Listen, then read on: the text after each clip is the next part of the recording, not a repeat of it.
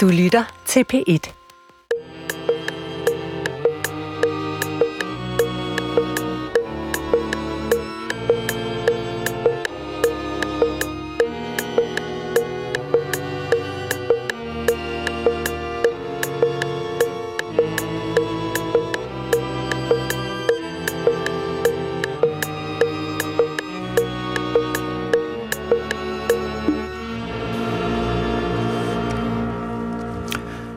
Goddag, mit navn er Peter Lund Madsen, og rigtig hjertelig velkommen til Hjernekassen på P1. Og i dag, der skal det handle om mad. Øh, og mad, dengang jeg var dreng, var ikke noget, der fyldte, fyldte voldsomt meget min tilværelse. Øh, vi fik det, der hedder gode danske retter derhjemme, øh, og der var selvfølgelig nogle ting, jeg var gladere for end andre. Hakkebøf for eksempel. Øh, hvorimod min mors gratinerede gulerødder, øh, ikke var noget, der vagte den helt vilde øh, begejstring. Og, øh, og hun var også en af dem, der kunne koge en torsk, øh, så den var fuldstændig meningsløs tør. Øh, men mad var ikke noget, der beskæftigede mig særlig meget, før jeg for første gang med min mor og far øh, var på noget, der dengang hed Restaurant Østerport. Øh, og der fik jeg det, der hed Engelsbøf. Og det var sådan et stykke oksekød med bløde løg, og så bagt kartoffel og vildere smør. Og det var simpelthen bare, det var en anden liga. Altså fra dag af, der tænkte det, det er helt vildt, at noget kan smage så godt. Øh, og øh, sidenhen er det jo gået slag i slag. Øh, og det er jo ikke kun mig, der har fået øh, et udvidet forhold til mad. Man vil også sige, hvis man kigger på Danmark som nation, så er der inden for de sidste 50 år sket en enorm udvikling. Jeg kan huske, dengang jeg var dreng, der var noget, der hed Egoisten, som var et sted, hvor de rige gik, øh, og hvor det hele var meget fint. Og noget, der hed Kong Hans, hvor der var ekstremt dyrt.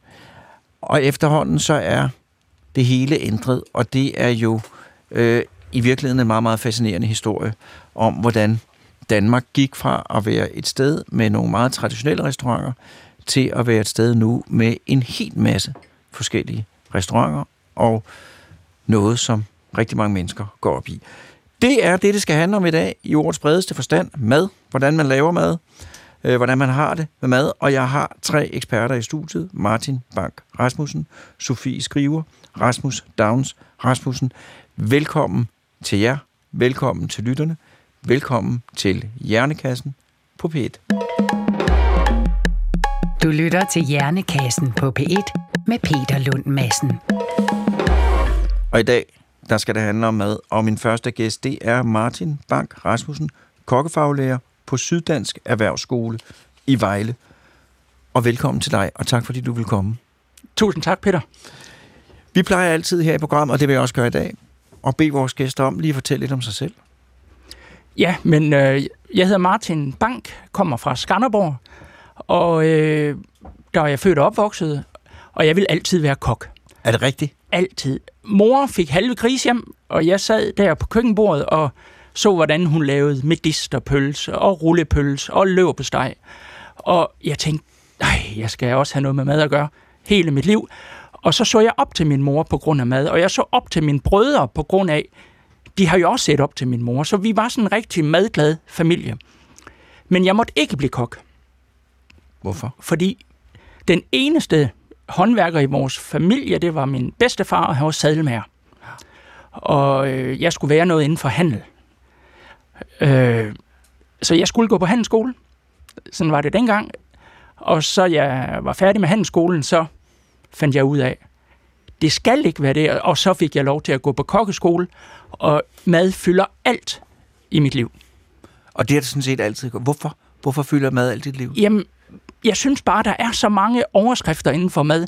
Øh, vi spiser tre gange om dagen, og et måltid mad, det kan bare samle folk. Det kan, hvis vi ser det på den åndelige del, så hvis vi ser på Bettes gæstebud, altså hvad kan et måltid mad? Det er hygge, det er sammenkomst, det er dejligt. Men er det rigtigt det, jeg siger med, at forholdet til at lave mad og forholdet til at kunne gå på restaurant og sådan noget har ændret sig i Danmark i løbet af de sidste efterhånden mange år?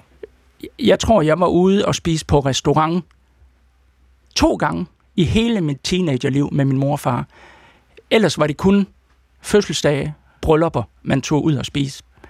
Øh, I dag tror jeg, jeg vil våge at påstå, at vi har flere penge mellem hænderne, og vi kan få noget meget mere spændende mad, når vi tager ud og spiser i dag. Meget mere øh, fra forskellige verdensdele, om det er pizza, eller om det er et, hvad hedder det, øh, spansk, eller indisk, eller alt muligt spændende mad. Men du har jo, du har jo, kan du fortælle lidt om din kokkekarriere? Jamen, jeg havde udlængsel. Jeg blev færdig, og jeg skulle ud og rejse med det samme, så jeg kom til Skotland og var der og lærte noget om deres madkultur, fordi madkultur er nok noget af det, der fylder mest i det, jeg synes, der er spændende inden for mad. Det er, hvorfor spiser vi lige præcis det mad, vi gør, der hvor vi bor. Og øh, jeg tog så ud at rejse og kom hjem 22 år senere. Så jeg ja. kom hjem i 12 og tog ud i 90. Øh, og der nåede jeg restaurant i 18 år i Sydtyskland. Og hvordan endte du med at have en restaurant i Sydtyskland? Ja, køkkenet synes jeg var utrolig spændende. Og øh, meget bundekøkken, hvis jeg skal sige det mildt. Og alt lavet for bunden. Og så mødte jeg en pige, som jeg blev gift med, og vi åbnede så restaurant sammen. Så det var jeres restaurant? Simpelthen. Hvad skal der til for at køre en restaurant? Hvad gør man? Ja. Det må være, der må være en masse ting, der rækker langt ud over bare det at kunne lave mad. Man skal have en ærekær holdning til mad. Altså man skal lige at kunne bruge den tid. Det er en livsstil, ved at våge at påstå at have en restaurant. Kan du fortælle, hvordan starter en dag? Den, dengang du var nede på din sydtyske restaurant. Hvordan var din kokkedag? Jeg stod op kl. 8, var nede i køkkenet kl. 9, fik sat køkkenet i gang, åbnede kl. halv 12, og så er det jo sådan i det sydtyske, der har man lang frokost, som man tager ud og spiser til middag. Og så kom de fra fabrikkerne, og så havde jeg vel 50 til middagsmad. Det var så dagens ret. Og så klokken to, så lukkede vi ned, sov halvanden time, åbnede op klokken 17, og de sidste gæster gik vel klokken 12.1 om natten. Og hvor lang tid var det så, før I kunne gå hjem? Ja, så skulle der lige ryddes op, så den blev nok halv to.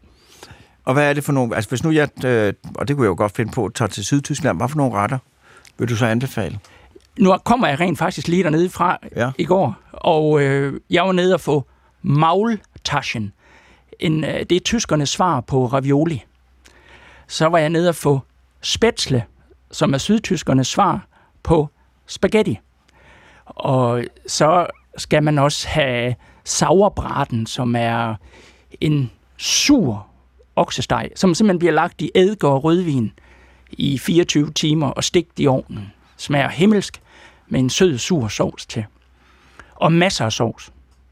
Brun sovs. Brun sovs. Så der havde du den, det der gasthaus der, og der er ikke noget med ferie eller noget som helst? Nej, rent faktisk, som faglærer i dag, har jeg mere ferie, end jeg nogensinde har haft. I, i, og hvad, hvad var det så, der gjorde, at du kom hjem fra Tyskland? Var det ferien, eller var det noget andet? Nej, det var fordi, at jeg fik en dansk kæreste. Ja. Og så lukkede jeg restauranten og flyttede til Danmark. Og hvad laver du så nu i Danmark? Der underviser jeg på Syddansk Erhvervsskole i Vejle, hvor vi har med gourmetslagter, kokke, tjenere, bager, konditor, ernæringsassistenter og øh, det, der hedder serviceassistenter.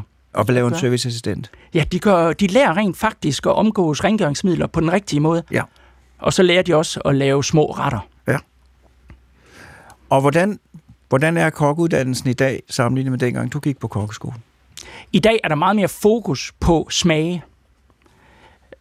I tidernes morgen var der nogle klassikere, som vi skulle lære, men i dag har vi meget fokus på smage, og vi har meget fokus på selve tilberedningsmetoden. Så i gamle dage, det var sådan at du skal kunne lave en flæskesteg, du skal kunne lave hakkebøf, du skal kunne lave... Var det sådan? Kald til marenko, eller alle mulige... Hvad for noget? Ja, kald til marenko, det var bare sådan en... Øh, den, eller consommé danoise. Altså, det hele foregår jo på fransk. Ja. Og, og de der udtryk, jeg vil ikke uddybe dem, men øh, det var udenadslære. Det var simpelthen vores bibel, og den skulle vi kunne forfra, bagfra. Det var ikke den rigtige måde at lære på. Så det drejer sig egentlig ikke særlig meget om, hvordan det smagte eller noget. Man skulle bare kunne sige, jeg er kok, og jeg kan lave det, og jeg kan lave det, og jeg kan lave det. Og det kan man som kok. Og så kom du til eksamen, og så bestået, eller bestået med ros, eller du fik medalje. Det var de tre, eller, eller dumpet. Eller dumpet, ja. Ja. Og hvordan er det så i dag, siger du? Der er det... Jamen, der er meget mere fokus på smage i dag, hvordan vi sammensætter smage. Og der tror jeg gerne, jeg vil give en kado til Claus Meier, Ja. som jo med recept i høj. Ja, nu ved jeg ikke, hvem der sad i det udvalg, for det var rent faktisk, mens jeg var i Tyskland, men jeg skælede da til Danmark om, hvordan vi rent faktisk har mere fokus på råvaren og på at sammensætte smage. Og det har virkelig været en kickstarter for, hvordan det danske køkken i dag er. Så hvordan, hvis du nu skal sammenligne det danske køkken i dag og restauranter i forhold til, da du tog afsted ned til Tyskland, hvordan er det så i dag? så er der meget mere øh, farve på. Det er ikke så store portioner. Tidligere var det jo sådan, at det skulle være en ordentlig stor portion, som man kunne blive mæt. Ja. Og det er i dag mere fokus på smage, sammensætninger, farvespil. Øh, nu tror jeg, vi kommer ind og snakke måske om alkymisten senere i dag i den her udsendelse. Og det er jo noget helt andet end dengang. Og Danmark er jo på nogle områder er det jo et sted, som folk siger, det er et, et, et godt kokkeland. Hvordan har vi fået? Er det, hvor, hvor, det, hvor kommer det fra? Fordi, som jeg husker det i gamle dage, der var det jo ikke noget særligt specielt sted restaurationsmæssigt. Så hvor er det Claus Meier, der har været med til at starte det? det er i hvert fald en meget, meget stor grund til det manifest, man lavede tilbage i 2004 med det nye nordiske køkken. Hvad der så er sket sidenhen, altså det var en start. Hvad der så er sket sidenhen, er jo kun blevet meget, meget bedre. Fordi det er jo ligesom, der er to ting, der skal til. Der skal jo både det til, at der er nogle dygtige kokke, nogle dygtige tjener, nogle dygtige restaurationsfolk, men der skal jo også være kunder, som er klar til at gå ud og spise og betale for det. Og de ting skal jo følges ad. Og der er det jo nok, som du siger, at noget af det er, er fordi, at danskerne har fået flere penge mellem hænderne. Men vi er jo også blevet bedre til at gå på restaurant, end, end man var i gamle dage. Ja, fordi udvalget er bare blevet større. Og det betyder, at man vi er også blevet bedre til at, at kunne smage forskel på noget, der er godt, og noget, som er, er ikke så godt måske. Ja, og så det her, de her spændende måde, de sætter maden sammen på. Altså, når vi begynder i en mundfuld at kunne smage sød og sur og salt og bittert, og så har vi lige umami med, fordi den er jo også en del af de fem smage. Så, så det er meget bedre, end hvis det kun er, er en bestemt smag. Ja, det, det tror jeg, det, det er den brede befolkning synes i dag, og det er en grund til, at der er flere, som tager ud og spiser i dag. Også måske bekvemmelighed, det er også en ting. Det er jo lettere at tage ud og spise, end at lave det derhjemme. Eller skal vi sige, bekvemmelighed er jo også et tema for sig inden for madlavning. Fuldstændig, men jeg har jo nu har min første jobs var jo som opvasker. Nu skal jeg ikke nævne, nævne navne, men altså det første sted, det var jo ikke et sted, der var, der var præget af de tårnhøje gastronomiske ambitioner, vil jeg sige.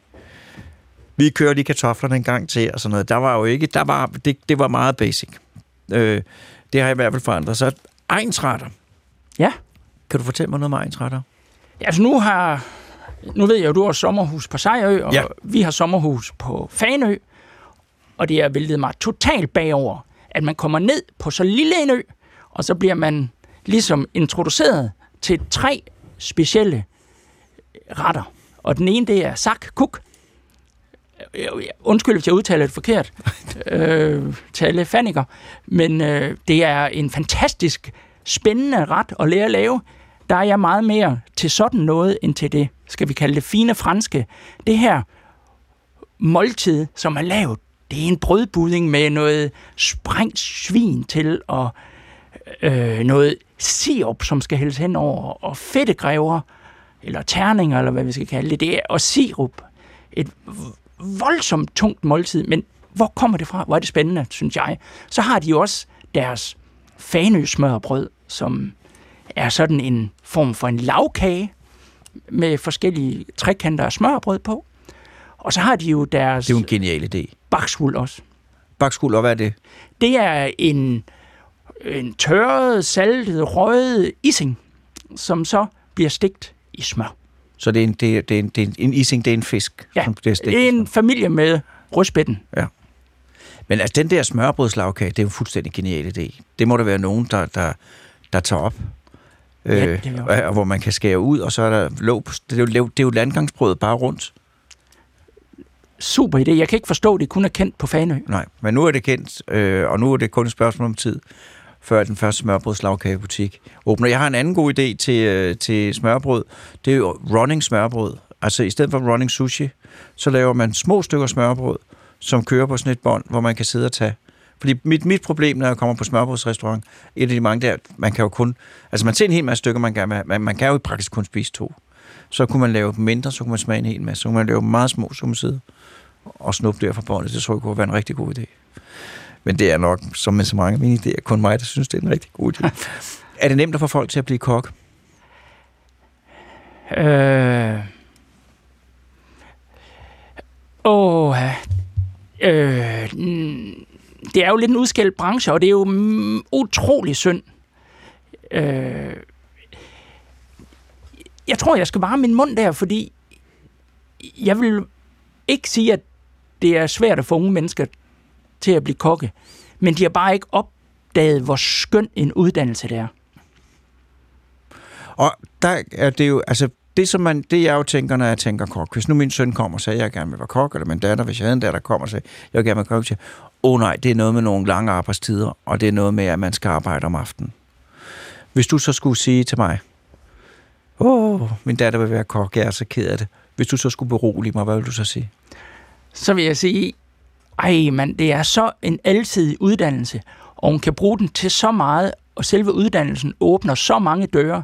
Fordi hvis du først lærer at styre et à la carte ryg, altså når der lige pludselig sidder 50 mennesker ved fem forskellige borde, som skal have mad, så skal man virkelig have styr på sin organisation.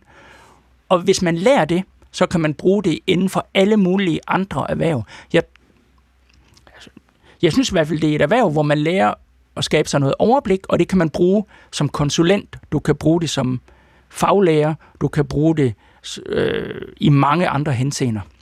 Så, og det er jo en rigtig, rigtig god ting ved en uddannelse, at det er noget, som i sig selv i første omgang giver mening, men det er noget, man kan bruge til en hel masse forskellige ting, så man ikke behøver at lave det samme gennem hele tilværelsen, hvad du jo også er et udtryk for. Når man bliver træt af at skulle levere det store arbejde, der skal leveres for at have en restaurant kørende, så er der mange andre muligheder, jobmuligheder. Jeg tror da gerne, jeg vil sige, at jeg, jeg vil ikke magte det tempo, jeg havde på, da jeg var 30, som nu, når jeg er 54.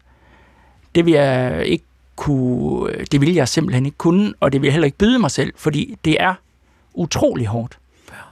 Men så har du også gjort det, så har du fået en, en anden karriere. Gummislagter, sagde du før. Det, hvad er en gummislagter, og hvad laver en gummislagter? En gourmetslagter er en udspringer jo fra vores slagteruddannelse, men slagter i dag laver meget, meget mere mad. Altså, de har jo meget med de her måltidsløsninger, convenience, og igen bekvemmelighed, at vi går hen i slagterdisken, får et ordentligt måltid mad med hjem, og det fylder rigtig meget i den uddannelse. Både det at lære at lave maden af friske råvarer, det ordentlige produkt, det rigtige stykke kød, og så noget godt grønt til, så du får alle de her vitaminer, mineraler, hvad du nu gerne skulle have, i stedet for en Dr. Øtker øh, frossen ting. Men det må også kræve, at man lærer en masse om planlægning og indkøb, og hvor, altså, der må være en masse teknik, der skal kunne, man skal kunne for at få sådan noget her til at fungere. I hvert fald som gourmetslagter, for der skulle du jo også lære at slagte kødet. Og øh, altså ikke ude... Men du skal lære at skære det ud. Ja, du skal lære at skære det ud. Og du skal vide de forskellige øh, udskæringer og de forskellige stykker, og hvordan man kan tilberede dem. Jeg vil sige, at gourmetslagteruddannelsen er en fantastisk uddannelse, også fordi du skal lære at sælge din vare. Altså, du har også den her kundekontakt. Og det er der nogle gourmetslagter, som er enormt gode til. Jeg skal ikke gøre reklame, men de er virkelig gode til øh, at, få, at få langet noget sommersalat over disken, eller hvad det nu måtte være. Men hvis du nu her til sidst skulle sige i, i et par sætninger, øh, øh, et, et godt argument for at blive kok, hvad skulle det så være? Øh, ja. Vi får så meget anerkendelse, og vi alle vil gerne have anerkendelse.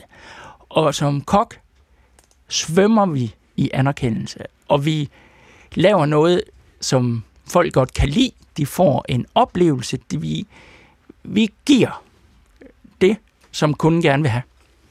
Plus, at det der med at have en hverdag, hvor man arbejder hele tiden, det er, behøver kun at være en fase i ens liv. At man kan bruge uddannelsen til noget andet senere hen, når man, når man, får, når man får lyst til det. Ja. Tak indtil videre, fordi du vil være med.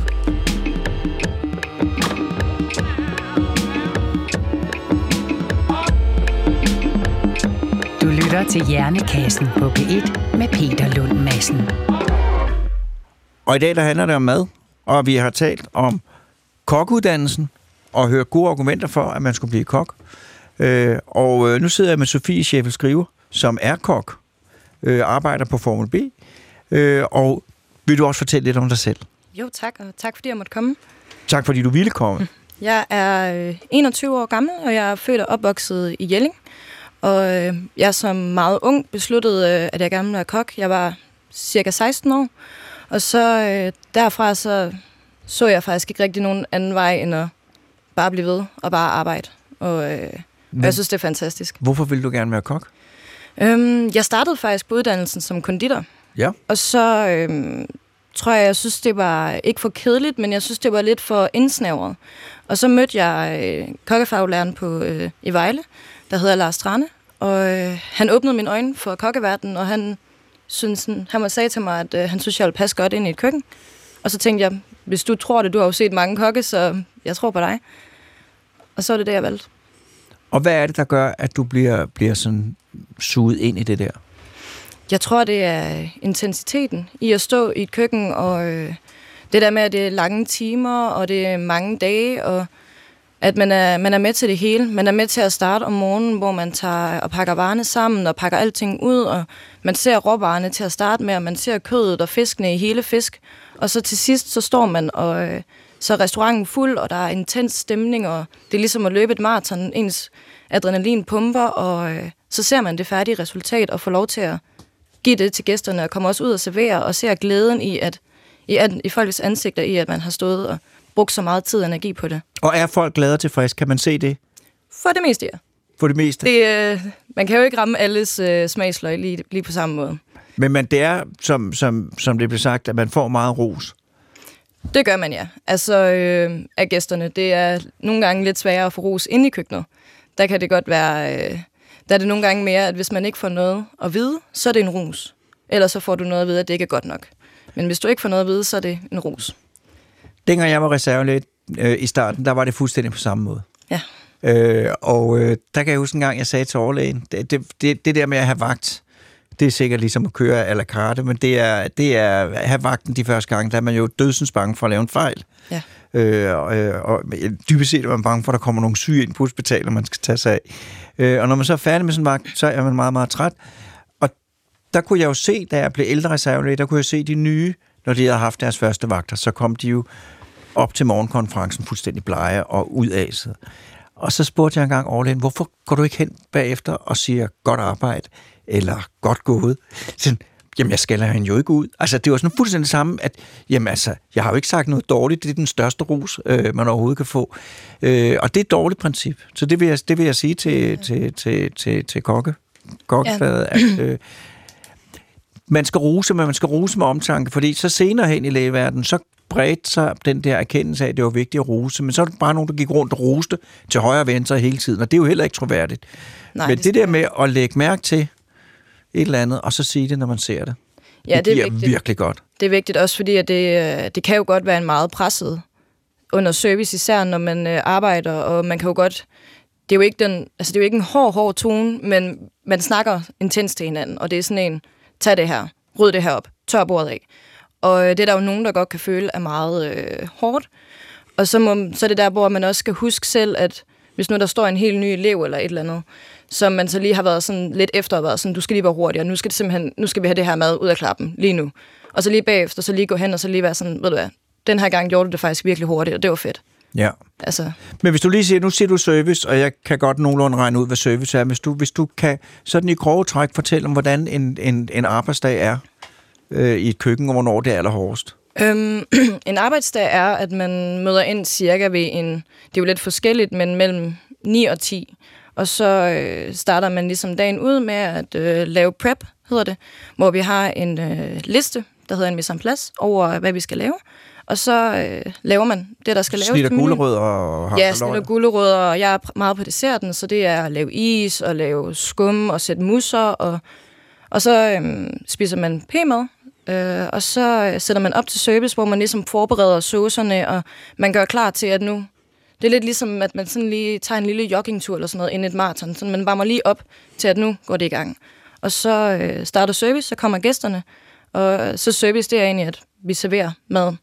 Og der er forberedt så meget som overhovedet muligt. Det ligger klar, sådan så at man skal lave så lidt som muligt, men det skal samtidig være fuldstændig selvfølgelig frist og veltilladet. Ja, det skal det. Og det er jo sådan, at man går rundt og- og tilretlægger og planlægger i lang, lang tid. Er det ikke rigtigt? Det, det gør man. Det er, man kan tydeligt se, når øh, menuen den skifter på en restaurant, fordi så øh, er rutinerne ikke helt inkorporeret. Så der, øh, der er der nogle ting, hvor man godt kan se, at nogle servicer, så går det ikke lige så godt. Fordi at der er nogle ting, hvor de ikke lige har tænkt, uh, vi kunne lige lægge to her på den her pande, i stedet for en, og så tager det kortere tid. Og der er det sådan nogle, det lærer man efterhånden hen ad vejen. Og hvor lang tid var det der, den der periode, hvor, hvor, der, altså, hvor der kommer nogle fire dagens ret, fem skinkeflanke, og, øh, og uden, hvor lang tid var den? Jeg tror, jeg vil sige sådan 3-4 timer i forhold til, hvad det er for en restaurant. Og det er 3-4 timer, hvor man virkelig koncentrerer sig. Det er intenst. Altså det er, der tænker man ikke på, at man skal hjem og se tv, eller hvad man skal gøre i morgen, eller sådan noget. Der er det 100% det, man tænker på.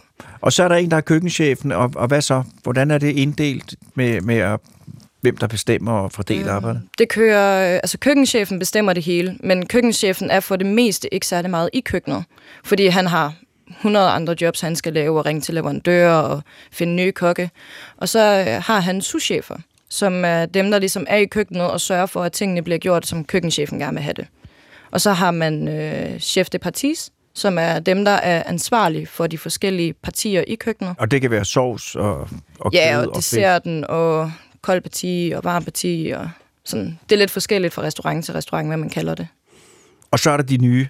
Og så er der de nye, øh, og så er der kokkeeleverne. Og hvis jeg nu startede i dit køkken, hvad, hvad skulle jeg så lære? Altså, man starter for det meste på brød øh, som kokkeelev. Så øh, laver man brød, fordi det er sådan en, det er en god en, så er det ikke, det er ikke så presset igen, men det skal alligevel gøres, og det skal gøres rigtigt, og det skal gøres ordentligt. Men det er ikke sådan, at du skal lave 100 ting på en dag. Det er brødet, og det er det, og så smør. Øhm, Og så arbejder man så op. Kunne jeg godt lære at blive en god kok? jeg tror, alle kan blive gode kokke. Det er, Jeg det, tror der, på, det er også det der øh, spørgsmål. Det, øh, jeg tror på, at alle kan lave mad, men øh, man skal have den rigtige indstilling til det, og man skal jo selvfølgelig ville det, fordi hvis man ikke, hvis man ikke vil være kok 100%, så tror jeg, at det bliver en hård branche. Altså, så, det, så vil det være hårdt for en at være i det, fordi det er så øh, intenst og så krævende, og det er så, øh, ja, altså tror jeg, det bliver virkelig svært at kunne det, Den- hvis man ikke vil. Dengang du var lille, var du glad for mad der? Faktisk ikke. Så jeg var meget kredsen som barn, og øh, min mor havde utroligt svært ved at lave mad til mig. Øhm, så da jeg sagde i min familie, at jeg ville være kok, der kiggede alle på mig som om, at jeg var mega dum, og tænkte, hvad, hvorfor, du kan jo ikke lide mad. Men Det, det, jeg kan egentlig ikke få tænkt dem i det. Men. Så- kan du fortælle, kan du prøve at fortælle, hvad var det, der gjorde? Du sagde noget om det, med, at du var startet med konditori og sådan der. Ja. Men hvad var det, der fik dig ind i den? Hvad, var det tilfældigt, eller? øhm, jeg tror, det var lidt tilfældigt. Øh, altså, jeg ved faktisk ikke engang, om jeg ville have valgt det, hvis jeg ikke havde mødt øh, Lars Trane, øh, kokkefaglæreren. Øhm, men jeg tror, det var den der med, at jeg synes, det var så... Øh, jeg havde ikke set, at madlavning kunne blive mere end bare en spaghetti kødsovs, jeg fik til aftensmad, som jeg egentlig synes var lidt kedelig. Øh, men så fandt jeg ud af, altså så så vi øh, en dag på skolen Bocuse d'Or, som er verdensmesterskaberne for kokke, og, øh, og der kunne jeg se, at det kan være så meget mere. Altså det var, øh, det var det her kæmpe fade, der var et helt kunstværk af mad, og det kunne bare blive en hel oplevelse. Og både se på det, men også at smage det og spise det, og at det kunne meget mere end bare være med. Når du går på restaurant, hvad lægger du så mærke til, hvis du går, kommer ind på en ukendt restaurant i, i et fremmed land? Øhm, jeg hvad, ligger... hvad får dig til at sige, det er det virkelig et godt sted? Altså, øh, det første, det er jo, hvor mange retter de har på menukortet. Fordi hvis det er et kæmpe menukort, så kan jeg godt blive lidt bange for, at de måske ikke har helt styr på, hvad det er, de laver, når de har så mange ting, de skal holde styr på. Øhm, Jeg, var, jeg skal lige indskyde, jeg er engang med i Tibet, eller det kulturelle Tibet, og der var kun en restaurant, der hed Dreamland. Den havde 50 retter på kortet. Øh, og det smagte, det var alt sammen smagt som noget suppe lavet af mudder. Ja. Øh, men, men der var 50 forskellige navne på den suppe. Nå, Ja. ja. videre. Øhm, så tror jeg... Og sådan lidt indretningen og sådan, hvordan øh, stemningen er i restauranten. Fordi det synes jeg også, øh, når jeg tager ud og spiser, så handler det også om stemningen i restauranten, og det handler om helhedsoplevelsen af det. Det handler ikke kun om maden. Øhm, men så selvfølgelig, når, jeg, når man får maden, om, om det ser godt ud, ser det indbydende ud, altså er det noget brunt, noget der ligger, og man sidder ind lidt og tænker, det der, det har jeg faktisk ikke helt lyst til at spise. Eller, man, eller det ligner noget, hvor du tænker, det der, det kunne jeg ikke lave derhjemme, så derfor så glæder jeg mig til at prøve at smage det, og prøver at, altså glæder mig til at se det. Ja. Hvad, øh, hvad kan, har du, kan du fortælle mig om, om en stor oplevelse, du har fået på en restaurant? Eller øhm. Øhm. et sted, du spiste, et eller andet, du får tænkt, det her, det var helt... Ja, jeg var på øh, Alchemist sidste år Ja. at spise, og det var, øh, det var en stor oplevelse. Øhm, jeg ved ikke, om jeg vil sige, at det var alle retterne, jeg kunne lide. Øhm, det er noget meget specielt mad, og man skal være øh, meget åbensindet for at kunne øh, spise nogle af dem. Sådan noget som vandmand, det, øh, den var sådan Umiddelbart vil jeg også sige det. Ja. Det, øh, men øh, helhedsoplevelsen af det var jo som, øh, altså som at gå på teater. Og øh, altså visuelt var det jo så smukt, og øh, også bare, altså sådan, der er et sted, hvor man kan se ind i køkkenet, hvor, man, hvor jeg sidder som kok og også bare tænker, altså de er der bare fokuseret, intense, og, øh, og de elsker, hvad de laver, fordi ellers så ville de ikke stå der. Mm. Og det kan jeg godt lide, når øh, man kan mærke den der passion for det. Ja. i maden og i, i tjenerne, at man kan se på dem, at de bare, altså de glæder sig bare så meget til at fortælle dig om den her champagne, de bare synes er helt fantastisk. Det kan jeg godt lide. Men så har jeg jo også prøvet nogle gange i Frankrig eller, at komme ind, og det er fuldstændig almindeligt sted, og det er fuldstændig almindelig mad. Og så smager det bare meget, meget bedre, end jeg har prøvet at få den samme ret andre steder. Hvad er det, der gør, at der er nogen kokke, der kan lave maden, så den simpelthen bare smager så fantastisk? Øhm, jeg tror, at øh, altså, der er jo bare nogen, der er øh, virkelig, virkelig dygtige. Altså, øh, det er jo noget, man selvfølgelig kan træne sig til, og træne sin smagsløg til at smage forskellige. Altså, skal den lige have det der ekstra 2 gram salt, eller skal den egentlig ikke? Og det er jo nogle gange, det der kan gøre forskellen, det er de, de små, lige lidt citronskal eller ikke, eller det er de meget små ting, der gør det. Um, øh, og det er jo også derfor, at man uddanner sig til kok. Det er jo for, at man kan for at lære det, altså for at lære at lave god mad og bedre mad. Så det der med selvfølgelig at have det rigtige råvarer, vide, hvordan man gør, men så også have en, en smagsans, der kan sige, der kan sige, det der mangler, det er en halv citrongryds og lidt salt og lidt peber. Ja. Det er det, der skal til, hvor jeg bare siger, at den er bare ikke i orden, men jeg kan ikke ved ikke, hvad jeg skal gøre ved det, Ja. for at få den bragt det sidste stykke Lidt, op. lidt salt hjælper for det meste altid. Det, øh, det plejer at være... øh, Undersaltning er altid det, Det er noget det man værste, ser kan. mest. Molekylær biologi. Nej, moleky- molekylær gastronomi. ja, Det andet ved jeg godt, hvad er, men du må meget gerne fortælle mig, hvad molekylær gastronomi er for noget. ja, det er... Øh, altså det er jo egentlig, hvor man ændrer molekylerne, hvis man kan sige det, eller ændrer teksturer. Så hvis man har en sauce for eksempel, så kan man... Øh, man bruger rigtig meget teksturprodukter, som er... Øh, sådan noget som agar agar og santana. Øhm, Det forstår jeg intet af, er. Det er, det er produkter, der ændrer teksturen. Ja. Ja. Så hvis du har noget, der er flydende, Ja. så kan du komme Santana i, og så blende det lidt, og så bliver det sådan helt gelé. Det forstår jeg. Så det ændrer basically molekylerne Ja. ja. i det. Øhm, og det bruger man rigtig meget på øh, restauranter lige for tiden. Det er blevet meget stort. Altså inden jeg startede i lære, men da jeg startede i lære, der var det ligesom sådan det, der var inde Ja. ja. med Alchemist bruger det også rigtig meget med, med at lege med, at tingene ser anderledes ud, end det er. Og der er Linnea i øh, New York, som øh, ligesom startede det hele, eller sådan, og, og alt det der med at, med at vise noget, og så er det noget andet. Ja. Altså få en ballon ud, og så kan du faktisk spise den, og du kan spise snoren, og altså sådan ændre det hele, teksturerne og oplevelsen. Og det er jo, fordi der er jo en ting, med smagssansen, som er så underligt. Eller der er mange ting med smagssansen, som er underligt. Det ene er jo, som, som, som du ved meget mere om end jeg, det der med, at meget af det består af lugtesans. Lugtesansen er en helt speciel sans. Men det, der jo er det mær- mærkelige er, at når vi smager noget, så er det jo en blanding af lugt og syn og hørelse, men vi oplever det som smag. Vi oplever ikke som, vi lugter det eller ser det, men vi oplever det som smag, selvom det kommer fra en hel masse forskellige steder. Og derfor det der med at ændre på ting, så de ser anderledes ud, end man havde regnet med, det betyder enormt meget. Det betyder rigtig meget. Man kan nogle gange godt altså, trigge en smagsløg til at tro noget andet. Øhm, hvis nu, at jeg ved, at alkemist har haft en ret, hvor det var en øh, snebold, Ja.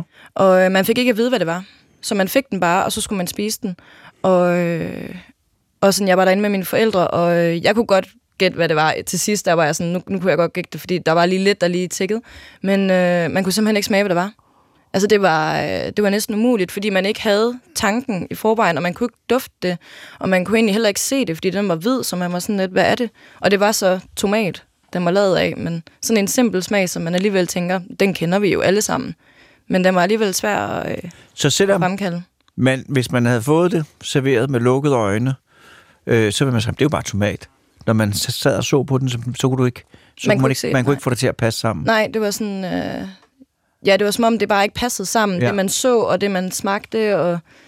Ja, da det... Øh, lugtesansen er i hvert fald meget vigtig i forhold til, når man smager. Hvis noget det ikke dufter godt, eller det ikke lugter godt, så har man heller ikke lyst til at spise det. Med mindre det er gammelost. Og ja. Man ved bedre.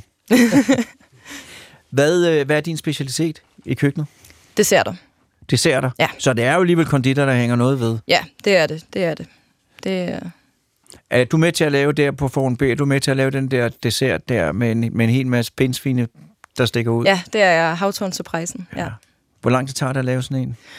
Altså, det tager jo et par dage, hvis man skal være... Øh, hvis man skal, eller sådan, man kan nok godt gøre det på to dage, men øh, man skal jo lave bunden, og den skal køle ned, og så stikkes ud, og så skal man lave øh, havtorn soft icen, der skal... Øh, eller havtorn sorbeten, der skal i midten, og så skal den sættes, og så skal man lave en parfait, hvor den så skal ned i, og så skal det, så er den nærmest færdig, så skal man bare lave en rings, og så sprøjte den op.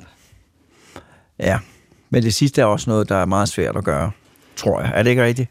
Jo, jeg tror, det ser, det ser nemmere ud, end øh, det egentlig er, Ja. tror jeg.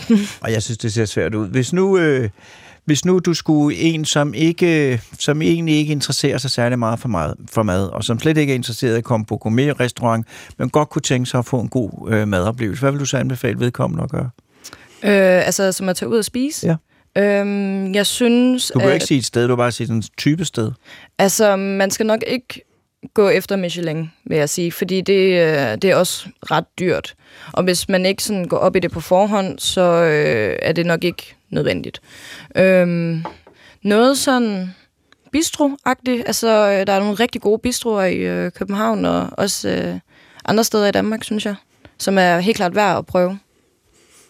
Tak, Sofie. Tak fordi du vil komme, og, øh, og øh, jeg vil ønske dig alt muligt held og lykke med din fortsatte kokkekarriere. Mange tak. Og, og godt, at du vil. Så skal vi have en ting. Du lytter til Hjernekassen på P1 med Peter Lund Madsen. Og i dag der handler det om mad. Og vi har lige hørt Sofie fortælle om, hvordan det er at lave mad. Og der har fortalt Sofie til sidst om en meget øh, fin dessert, man kan få, som ser meget kunstfærdig ud. Og, øh, og den var den, den, den var sværere at lave, end det så ud til. Og så er den meget, meget svær at lave, for den ser ud til at være meget svær at lave. Nok om det. Sidste gæst, Rasmus Downs Rasmussen, verdensmester i konferencekok, og du arbejder hos Kom- Komvel. Det er, hvad der står på mit papir. Velkommen til. Jo, tak. Vil du også fortælle lidt om dig selv? Det vil jeg i hvert fald. Øh, Jeg er lidt ligesom de andre, eller jeg er måske mere ligesom Martin. Jeg vidste allerede fra barnsben af, at jeg også ville være kok. Øh, Og da jeg så mine bedste forældre, de havde en slagterbutik, så der stod jeg lidt i min mormors skørter og hjalp til med at lave lever på sig og lave alle de forskellige ting. Så der, der var jeg sådan, så allerede fra 6-7 års alderen, vidste jeg faktisk, at jeg ville være kok. Øh, og blev egentlig også frarådet det lidt. Og, Og hvor, Ja. det var på grund af arbejdspres? det var på grund af arbejdspres og alt muligt andet, men jeg havde sådan, så kom jeg til at arbejde på øh, øh, Skanderborg Vandrehjem faktisk, hvor ham, der ejede det, han havde været ude at rejse en masse, og der åbnede lidt mine øjne op og tænkte, ved du hvad, jeg kan komme over hele verden med den her uddannelse. Og så øh, øh, kom jeg i lære øh, i Horsens, Øh, og da jeg tror, jeg var færdig nu, der havde jeg så en god kammerat, som hed Martin, som ringede til mig og sagde, der er lige åbnet op det fedeste hotel i Edinburgh, og det er fem stjerner, og de har byens øh, bedste restaurant. Om ikke jeg kunne tænke mig at arbejde der, tænkte, det lød da meget sjovt. Så ringede jeg over til Ralf Kutzner, som var en tysk, øh, tysker, som øh, var køkkenchef, og den havde en stjerne, og spurgte han, om jeg kunne starte på mandag. Jeg tænkte, på mandag? Det var om fire dage. Så jeg fik byg, booket en flybillet, og så fløj jeg afsted, og så er jeg faktisk ude at rejse i syv år, øh, og været på, sådan prøvet at, sådan at ramme de restauranter, jeg synes, der kunne være fede at arbejde på. Så jeg arbejdede ved Marco Pierre White i London, for han var sådan en af mine store helte dengang, og jeg arbejdede på River Café også i London, som var sådan italiensk øh, med stor fokus på økologi og lo- lokale råvarer, sådan faktisk før det blev moderne. Øh, og øh, arbejdede i Australien på en af de bedste restauranter, og har arbejdet på et slot i Tyskland også, så, så kom vi vidt omkring. Så fandt jeg en irsk kone, som godt kunne tænke sig at lære dansk, og så tog vi til Danmark, og så har vi faktisk flyttet os siden, og det er, det 22 år siden. Øh. Så du har, du har ligesom Martin haft din, din, din øh, kokketid, hvor at man var steder, hvor der skulle laves noget hele ja. tiden, og hvor det var stressende, og så øh, er ikke droslet ned, men, men valgt noget andet. Ja, og så, så, jeg, så kom jeg til Danmark og blev køkkenchef først på en restaurant i Nyhavn, der hed Kaporn, lige efter Camilla Plum, som var en økologisk restaurant. Øh, og der lavede jeg det så meget rustikke økologiske mad ned og var en tre år, og så røg jeg til Roskilde, hvor jeg først var på Prinsen, og så var jeg på Komvel i Roskilde, øh, og har faktisk været chef de sidste 22 år, og synes det er, jeg synes det er vildt fedt at få lov til at både udvikle menuer, men også at udvikle mennesker, altså se nogle helt unge kokkeelever gå fra at være sådan lidt usikre og ikke lige helt vide, hvad vej de vil i verden, og til at, at blomstre op og, og blive dygtige kokke. Så det at være chef, siger du, hvad, hvad består dit arbejde i nu? Øh, altså, det består jo, altså det består jo både af personale, altså sørge for, at hvis der, hvis der er dårligt trivsel, så, øh, så har du ikke noget personale. Hvis det, der var sådan, det ry, som branchen har meget af, jo de jo råbe skrigekokke, øh, og dem er der heldigvis meget få af tilbage, og det er jo også dem, der har svært ved at finde personale. Altså, så jeg tror, at, at øh, stor del af mit arbejde, det går med ja, anerkendelse, som vi talte om tidligere også. Så går det øh, med menuplanlægning, og så øh, en ting, der ligger mig meget på hjertet også, det er hele bæredygtigheden. Altså, vi er jo, det er jo en branche, hvor der er vanvittigt meget spild, øh, og, og for 20 år siden eller mere, hvor jeg arbejdede på Michelin-restauranter, der var det jo øh, mængderne af spild, vi havde, var jo helt kolonorme. Altså, der skar man det pæneste stykke ud af fisken. Resten blev gemt til personale med, hvis det blev husket. Der var simpelthen så meget spild også af grøntsager, hvor at der blev skåret til, så man havde det mest perfekte på tallerkenen. Og så det var nærmest en, en norm? At det, det var, var nærmest en norm. restaurant, at vi må smide ja. to tredjedel ud, for ja. det ikke når vores Der skal lige være det helt perfekte ja. på tallerkenen. Så er der altså, hvis der kun er 10 procent, der er perfekt, så er der jo 90 procent tilbage. Øh, og øh, det øjne, mine øjne åbnede egentlig op, da vi gik i gang med at måle madspild. Øh, og så så jeg, hvor meget mad, der egentlig røg ud, øh, både i vores produktion, men også, nu arbejder jeg på et stort hotel, hvor vi øh, har mange konferencegæster, og vi har øh, øh, morgenmadsbuffeter, og der er det jo mængderne, der ryger ud efter sådan en buffet. Øh, det er jo helt vanvittigt. Og man kan jo næsten stå med tårer i øjnene, når man kan se, der ryger rigtig, rigtig mange kilo ud. Øh, Fordi at, at reglerne i restaurationsbranchen er så skrappe, ja. at altså, hvis det bare har været et eller andet, så selvom ja, så skal det bare ud. Ja, alt skal ud. Det, der kan varmebehandles, altså hvis der er noget, der kan varmebehandles, kan man godt bruge det igen. Ja. Øh, men de ting, der har været inde på buffeten, som er kolde, som ikke bliver opvarmet, de skal smides ud. Så det er jo også, så det, så det, det er jo sådan en fin balancegang. Det skal jo være sådan, at gæsterne føler, at der er rigelig mad, men det skal også være så, der skal ikke være så meget rigeligt, at man smider en masse ud. Øh, og specielt når man, nu øh, har jeg økologisk spisemærke, hvor jeg er, eller det har alle Commonwealth-hotellerne, det gør jo også, at økologi er noget dyrere end konventionelle varer, og det gør jo så, at man passer lidt mere på den. Øh, ja. Så, øh, så det er jo en af de ting, som så lige pludselig er en, en stor faktor, hvis man så kan styre sit madspil. Altså for eksempelvis, øh, vi talte før om, om hotelmorgenmad, hvor ja. at... Øh, en vigtig disciplin. En vigtig disciplin, og, og, øh, og vi står og laver alle hoteller står og laver varm morgenmad hver dag. Der er rører ikke bacon og pølser, og øh, det har jo altid været, jeg har været vant til, at det komme ind i store gryder, og så kunne gæsterne gå op og tage lige så meget, de havde lyst til. Øh, og hvor at vi begyndte at portionere vores rørik, bacon og pølser, må man gerne tage 10 portioner, hvis man har lyst til det, og man kan nøjes med en.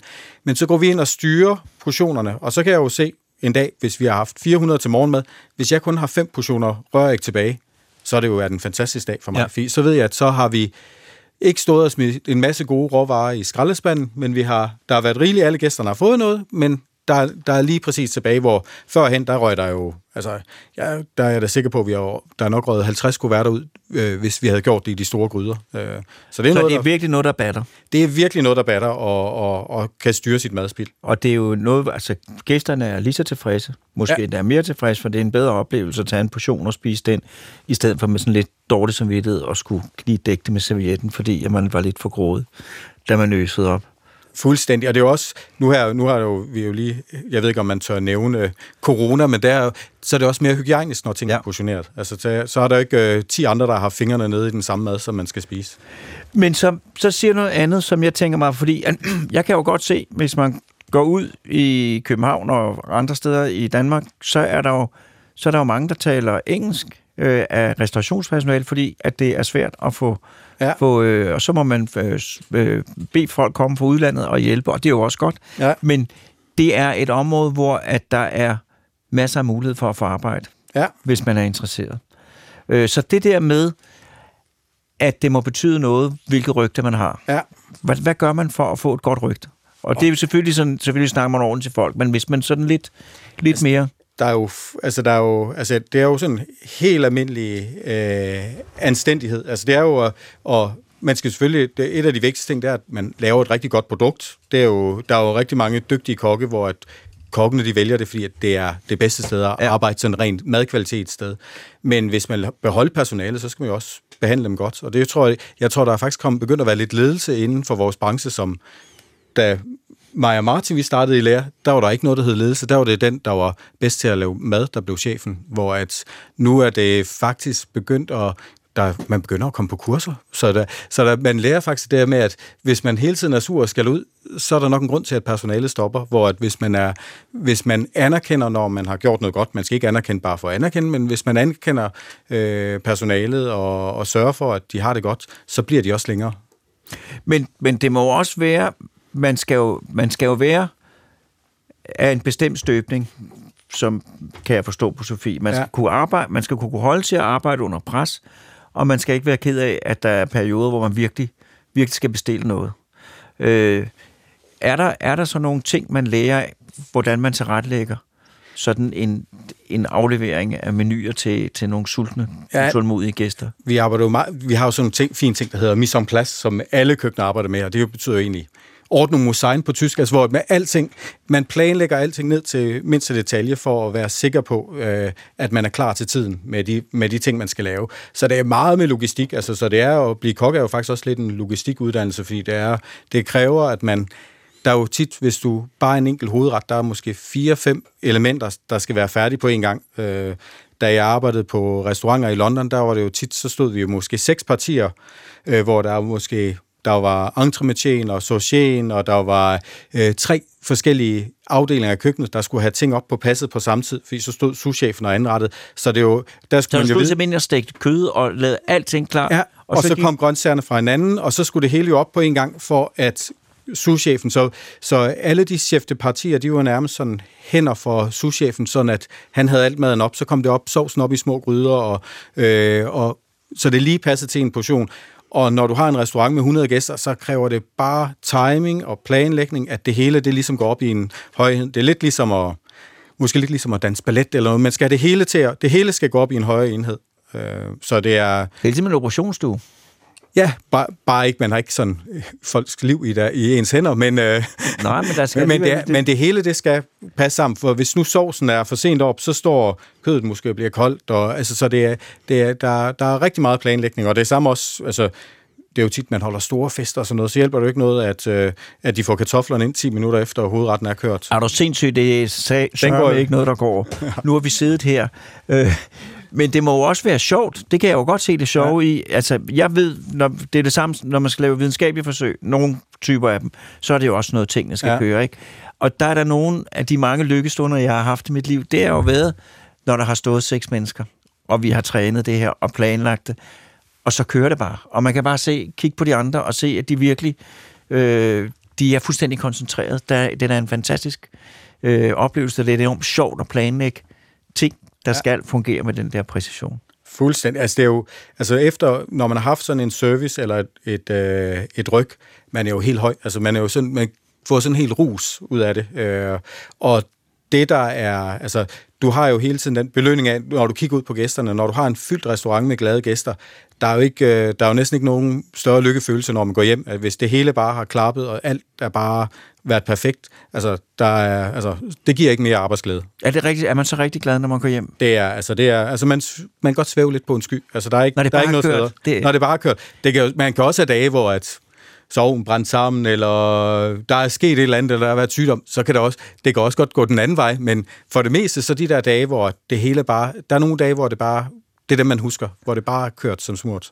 Men hvad gør man så, hvis du løber sporet?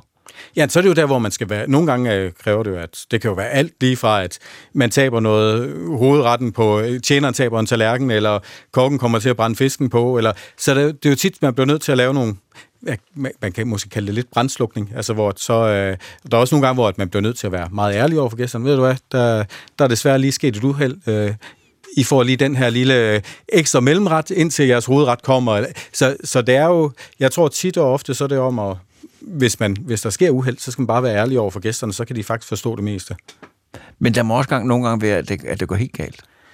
Ja, heldigvis ikke så tit. Heldigvis ikke så tit. Uh, men der er, nogle, altså, der er jo nogle gange, hvor at man har haft uh, nogle feberredninger, eller hvor man må lave noget andet til gæsterne. Eller, uh, der... Jeg kan huske en gang, jeg kan huske en gang, jeg skal ikke sige navn, det var et hotel, og vi var fire, og det var helt klart, at det var en af de gange, hvor det var løbet helt skævt. Alt muligt udkøbt.